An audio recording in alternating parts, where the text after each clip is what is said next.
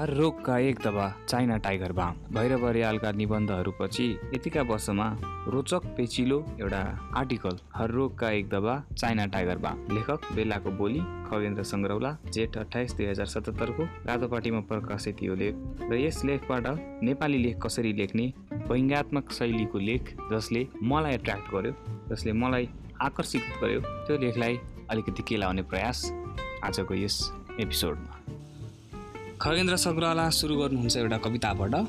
जीवनमा सजिलो हावामा कावा खानु हो। जीवनमा सजिलो हावामा कावा खानु हो। म किमार्थ खान्न धरती टेकेर मातृभूमिको सेवा गर्नु छ।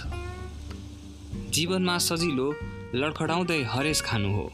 म किमार्थ खान्न धरती टेकेर मातृभूमिको सेवा गर्नु छ। जीवनमा गाह्रो मुहुनीमय पैसो खानु हो। जोखिम उठाउने वीरले सायद म खान्न भन्दैन। यसमा मेरो भन्नु केही छैन। सतोसत मेरो भन्नु केही छैन। खड्गप्रसाद ओली। आफ्नो लेखको सुरुमा खड्गप्रसाद ओलीको कविताबाट सुरु गर्दा र खड्गप्रसाद ओली भनेर नाम दिँदाखेरि यो पहिलो नै एउटा सठिक व्यङ्ग्य मलाई मन परेको। एक त केपी शर्मा ओलीले आफूलाई खड्गप्रसाद भनेर बोलाएको रुचाउनु हुँदैन भन्ने चर्चा व्याप्त छ।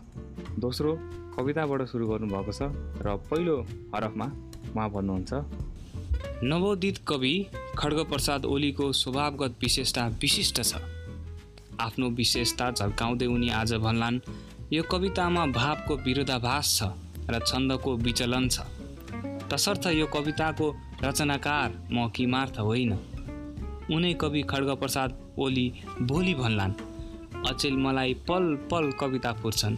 सायद कुनै बेहोसीको क्षणमा मेरो भावलोकबाट यो कविता कतै खस्यो कि? चञ्चल चित्तको भावुक नर्तन आँसु कविको सामर्थ्य पनि हो कमजोरी पनि। यी पहिला पाँच वाक्यहरूमा लेखकले पात्रको विशेषणात्मक परिचय दिएका छन्।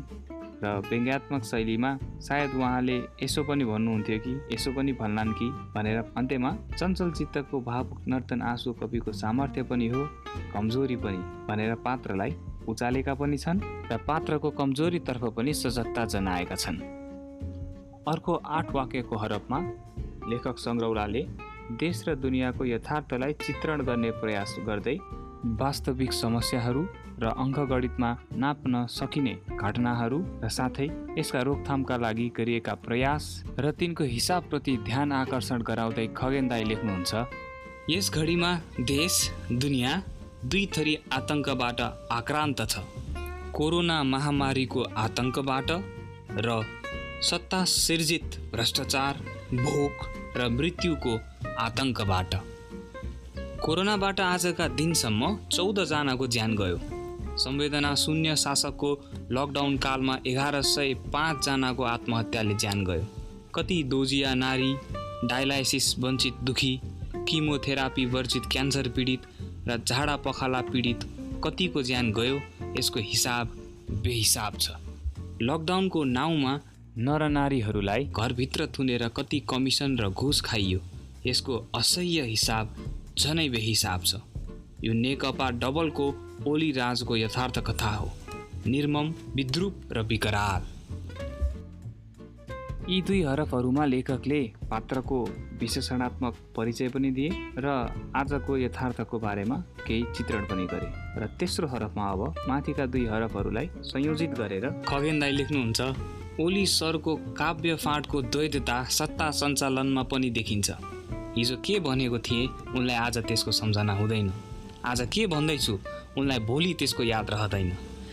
त्यसैले कोरोना कालमा उनी कमिसन खाँदैनन् र खान्छन्। उनी घुस खाँदैनन् र खान्छन्। उनी नातावाद गर्दैनन् र गर्छन्। उनी नागरिकहरूप्रति क्रूरता प्रदर्शन गर्दैनन् र गर्छन्। उनी कोरोना नियन्त्रण कार्यमा अव्यवस्था भद्रगोल र बर्बादीको सिर्जना गर्दैनन् र गर्छन्। कवि ओलीको द्वैततायुक्त व्यक्तित्वको शासनतन्त्रमा सङ्क्रमण खतरनाक कुरा हो।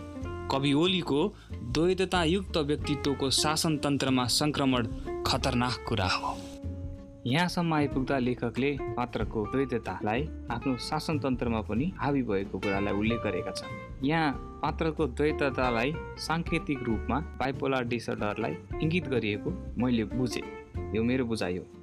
नो अफेन्स नो बायस विभिन्न राजनीतिक विश्लेषकहरूको अन्तर्वार्तामा यो कुरा नआएको होइन कि प्रधानमन्त्रीको स्वास्थ्यलाई लिएर अलिकति आज भनेको कुरा भोलि बिर्सिने। मलाई यस विषयमा जानकारी छैन भनेर प्रधानमन्त्रीकै मुखारबिन्दुबाट रिपिटेडली यी शब्दहरू उच्चारण नभएका होइनन् र यसलाई मिलाएर संयोजन गरेर द्वैततायुक्त व्यक्तित्वको पनि यसलाई सठिक व्यङ्ग्यका रूपमा प्रस्तुत गरेका छन्। ओठे जवाब नदिइकन शब्दको कलात्मक ताल मिलाएर त्यसको अर्थले व्यङ्ग्यात्मक शैलीमा तिखो यथार्थलाई खोज्नको लागि प्रयोग र लेखन शैलीमा रास नल्याउनका निमित्त शिष्टाचार भाषाको प्रयोग।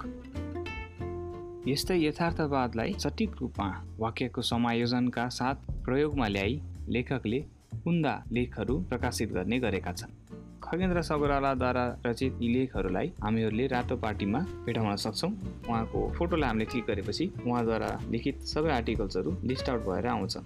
उहाँले दुई कोरोना विशेषज्ञ तल पुल माथि ओली बाहुबली स्वास्थ्य नीति सरकारी नरक यात्रा सरकार अस्वस्थ स्वास्थ्य नीति बर्बाद जस्तै विभिन्न शीर्षकमा दुई हजार पचहत्तर साल मङ्सिर पाँच गतेको लेखदेखि हामीले आर्काइभमा उहाँका लेखहरू भेटाउन सक्छौँ। र उहाँको यो लेखन शैली प्रत्येक लेखहरूमा छताछुल्ल भएका हुनैपर्छ नेपाली भाषाको लेखहरूलाई यथार्थमा आजको मितिमा नेपाली वाङ्मयको प्रयोग आजका दिनमा कसरी भइरहेको छ भनेर यो हाइप अफ इन्फर्मेसनबाट चाहिँ छुट्याउनका निमित्त यो आजको एपिसोड डेडिकेट गरेँ मैले। आजको एपिसोडको बारेमा तपाईँका प्रतिक्रियाहरू हामीलाई पठाउन नबिर्सिनुहोला। हाम्रो फेसबुक पेज रहेको छ फेसलेस लोचक हामी ट्विटरमा at the rate being faceless भनेर पनि छौँ। अर्को एपिसोडमा फेरि भेटौँला।